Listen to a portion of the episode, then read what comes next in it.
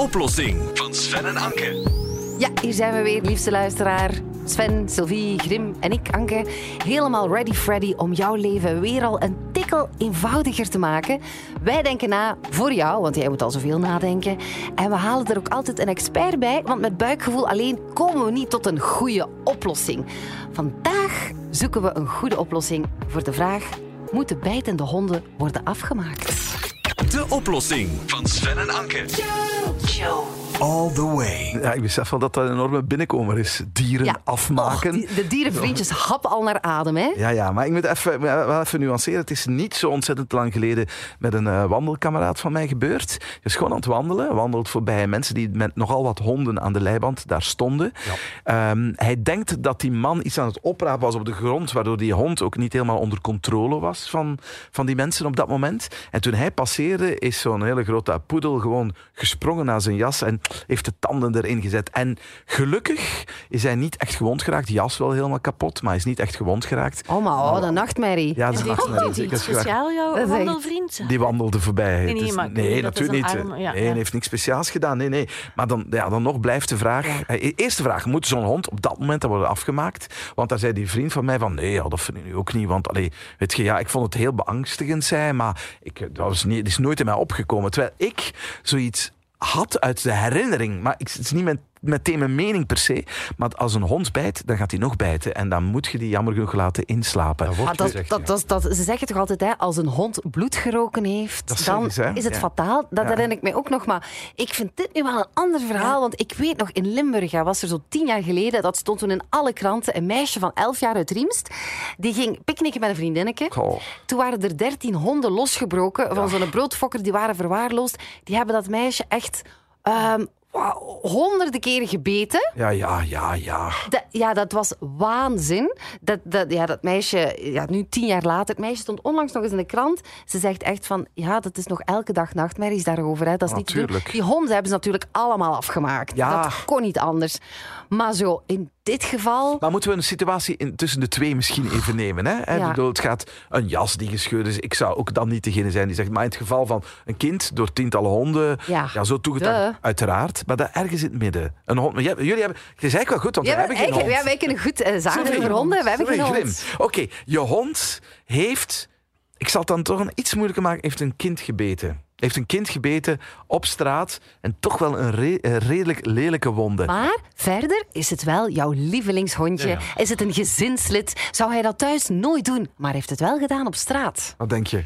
Ik ehm, zou hem zeker niet laten afmaken, maar ik zou eens te raden gaan bij een hondengedragstherapeut en eens vragen wat, wat is daar nu precies gebeurd? Wat, wat, Oké, goed, wacht. Sylvie, eerst, want ik heb dan meteen een volgende vraag voor jou. Sylvie, wat zou jij doen? Ik wilde Ziggy ook niet dood.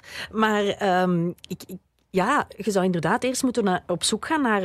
Hoe komt dat nu plots? Want die doet dat echt nooit. Ja. Maar waarom is dat dan wel gebeurd? Ja, maar oké, dan meteen de volgende vraag. Iemand komen. anders, zijn hond, heeft jouw kind lelijk toegetakeld. Maar echt lelijk, dat je denkt, fuck, die heeft die eh, goed te grazen gehad. Vind jij dan dat die hond moet afgemaakt worden? Of zeg je dan ook, laten we eerst eens naar een hondentherapeut gaan, gaan ja, en zien hoe we dat lieve beestje nog kunnen redden? Ja, wat denk je dan? Dan ben ik eerder geneigd om te zeggen, maak hem toch. Ja, mijn hond, eh, schone hond, eigen Ja. hond, maar andermans hond, eh Goed, maar dan zou ik toch nog wel willen weten van hoe komt dit? Ja. Ja, oké, maar wel afmaken, denk je dan?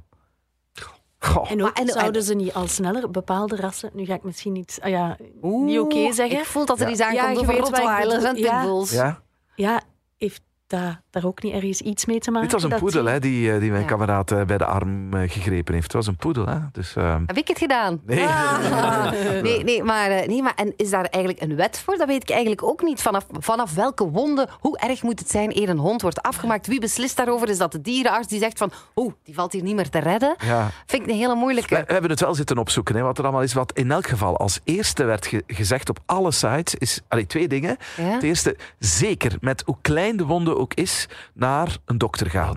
Hoe klein, ja, maar want Voor hondsdolheid? Of wat? van alles. Ah. Blijkbaar zitten die bekken van die beesten vol Bacteriën. ja, alles. Ja. En is bijvoorbeeld zelfs na een kleine wonde amputatie niet uitgesloten. Toen ik dat las, dacht ik, ho, ho, ho, ho, ho. Ja. Een nieuwe jas, dat is één ding. Maar, eh, Ja. en, dus dat is één ding. En ten tweede zou je toch eigenlijk altijd wel aangifte bij de politie moeten doen. Weet je, hè, wat toch is, hè, want jij zegt, jou, jouw kameraad liep voorbij. Ja? Dus die hond was misschien geschrokken. Ja. Dat vind ik nog anders dan dat je op straat wordt aangevallen door een beest. die jou- maar ja, bedoel, maar- maar- Want ik heb ook eens gehad, maar toen had ik, was ik ook wel geschrokken. hoor. Ik was aan het fietsen en eh, ik, ik fietste voorbij een koppel met een hond. Lou zat achter mij in het stoeltje Ja. en die hond greep ook naar Lou haar beentje. Ja, ja, ja. Maar die had zich ook verschrokken. Maar het was ook echt woest, hè. Ik was ook echt woest. Ja, ja, ja. ja. Eh, en dan die mensen ook al zeggen altijd hetzelfde. Hè? Normaal doet hij dat niet. Nee, ja. Och, nee, hij- och, maar ook als je zo'n hond zo ziet, Ja. ziet kijken naar je van... Amai, hier komt een goede biefstuk op poten voorbij. Ja. Dan, dan zeggen zeggen ze... En, je bent bang, dan zeggen mensen ook altijd... Maar Het is een niks. brave, Het is een brave, doet niks. Dan denk ik, waarom kijkt hij dan zo gretig? Waarom heeft hij zoveel honger als hij mij ziet? Ja, Ja, ja, en ik altijd- moet ook, wat heel erg, hè. Ik, ik durf het bijna niet te zeggen, maar ik ga iets wat Sylvie dat juist zei over die pitbulls en rottweilers. Hè. Als ik er zo een zie op straat, Ja. steek ik over. Ja, Ja, maar ja. En, maar nee, ik kijk eerst naar het baasje. ja. Is het baasje... pff, ja. Iemand waarvan je denkt... Oh, ja. Maar is het baasje waarvan ik denk, oei, wie heeft, de, wie heeft de controle over de duo, de hond of de baas? Dan denk ik, ja, ik ga de straat oversteken. Soms zie je gewoon wat zijn jongens die stoer willen zijn, Ja, ja, dan steek ja, ja. ik de straat over. Wat, wat, wat- oh, sorry, doe maar. Nee, nee, sorry. ik vraag mij ook gewoon af als je op straat wandelt en je ziet zo'n hond komen en je steekt over. Voelt een hond niet aan dat je bang bent? Ruikt Of- hij dat je schrik Ja, hebt? ruiken, Ja. weet niet, ja. En, en nog iets heel raars is, als ik in... Ik heb, wel, ik heb wel eens op de radio ook verteld, als je in Barcelona rondloopt, in de straat, Ja. dan lopen er zeer veel honden niet aan de leiband.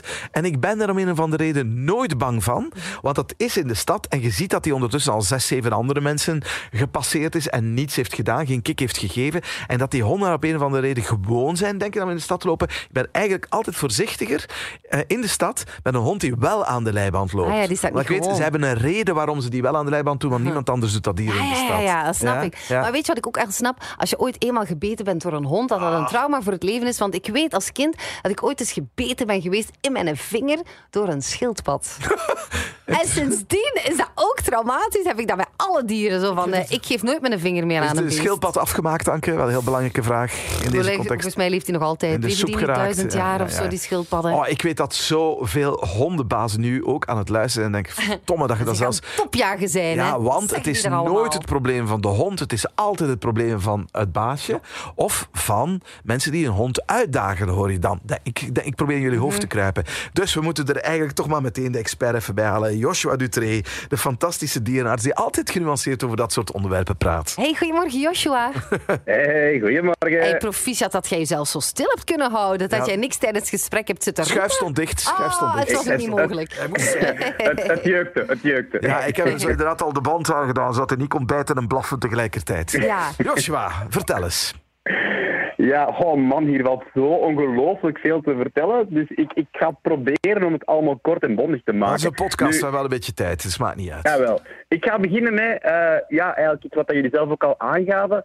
Ehm, stel nu, Anke, eh, Mhm. jij krijgt telefoon, Lou is op school en heeft een kind plot een bloedneus geslagen en ze zeggen, die wordt geschorst. Die mag hier nooit meer binnen. Wat is uw eerste reactie? Dat, dus mijn kind heeft een bloedneus Ja. geslagen. Ja, ja. Oké, het is nog niet dat Lou wordt afgemaakt. Dat nog Nee, niet. nee. Lou, Lou heeft iemand geslagen. Wat is de eerste vraag die je stelt? Ja, waarom heeft hij dat gedaan, hè? Ah, voilà. Ja, waarom heeft hij dat gedaan?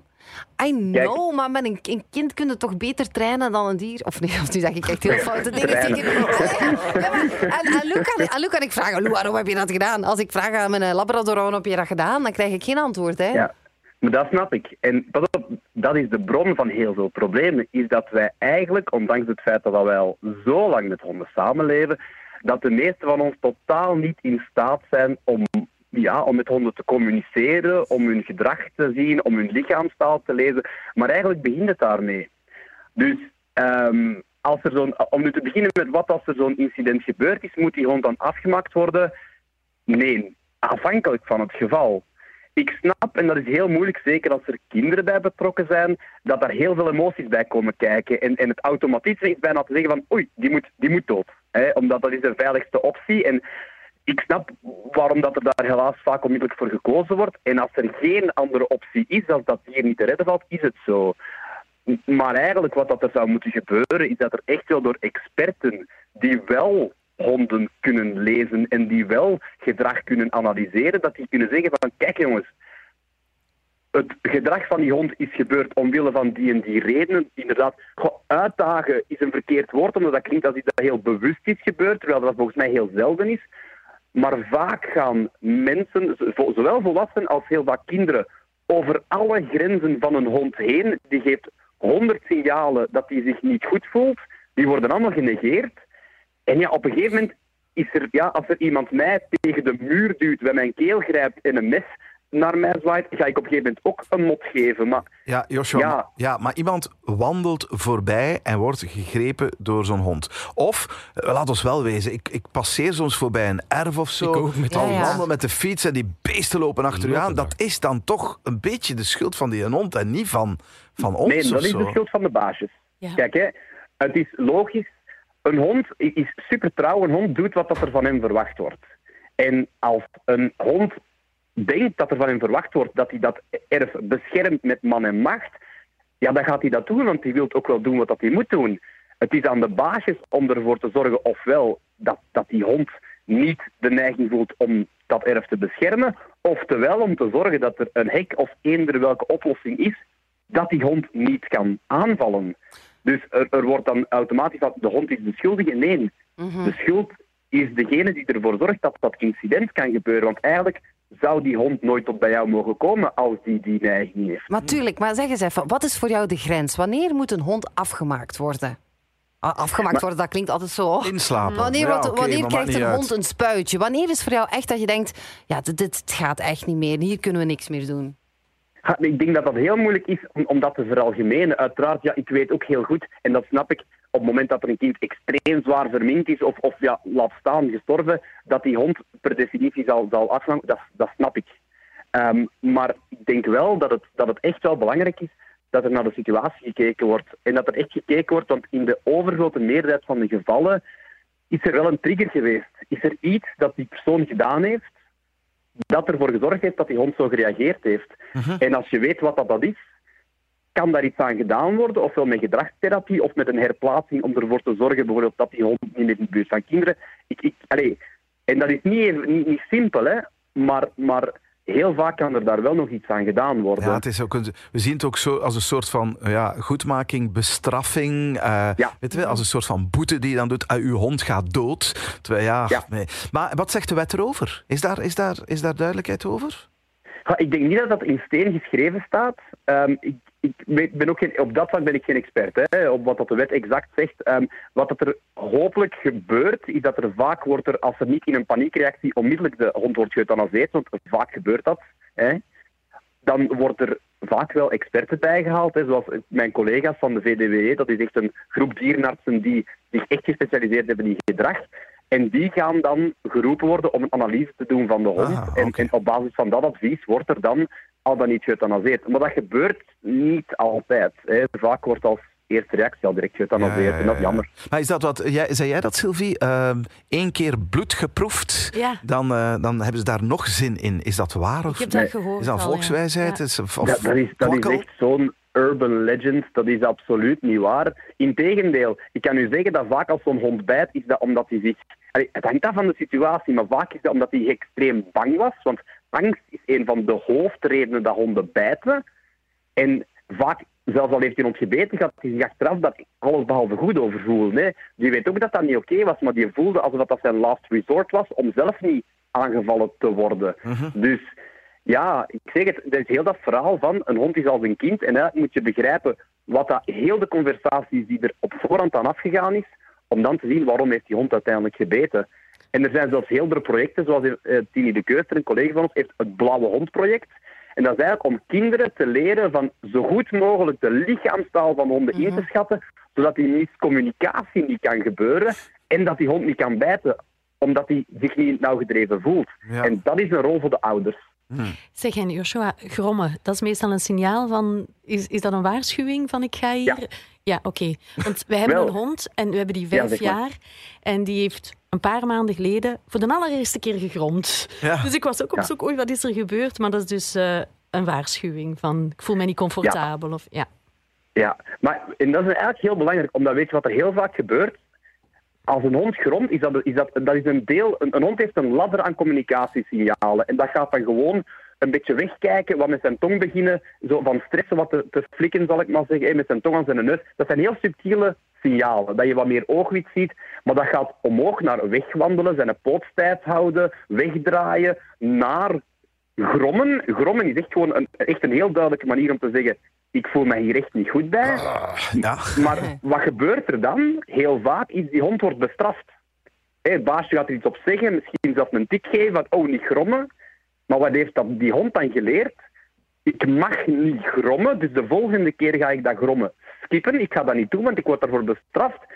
Maar ja, dan, dan is de volgende stap misschien wel een, een lichte hap en de, de stap daarna een zware beet. Dus als, als je een hond hebt die gromt, is het echt superbelangrijk om uit te zoeken waarom gromt die hond? Want dat is echt gewoon die hond die zegt ik voel mij niet goed bij deze situatie en ik wil dat hier iets aan verandert.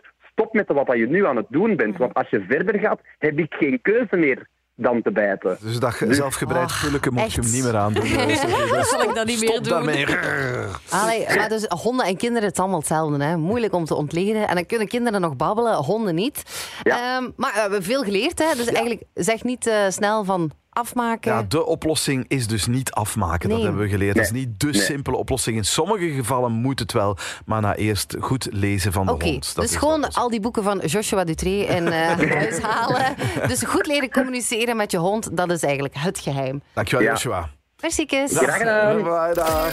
De oplossing van Sven en Anke. Joe. All the way.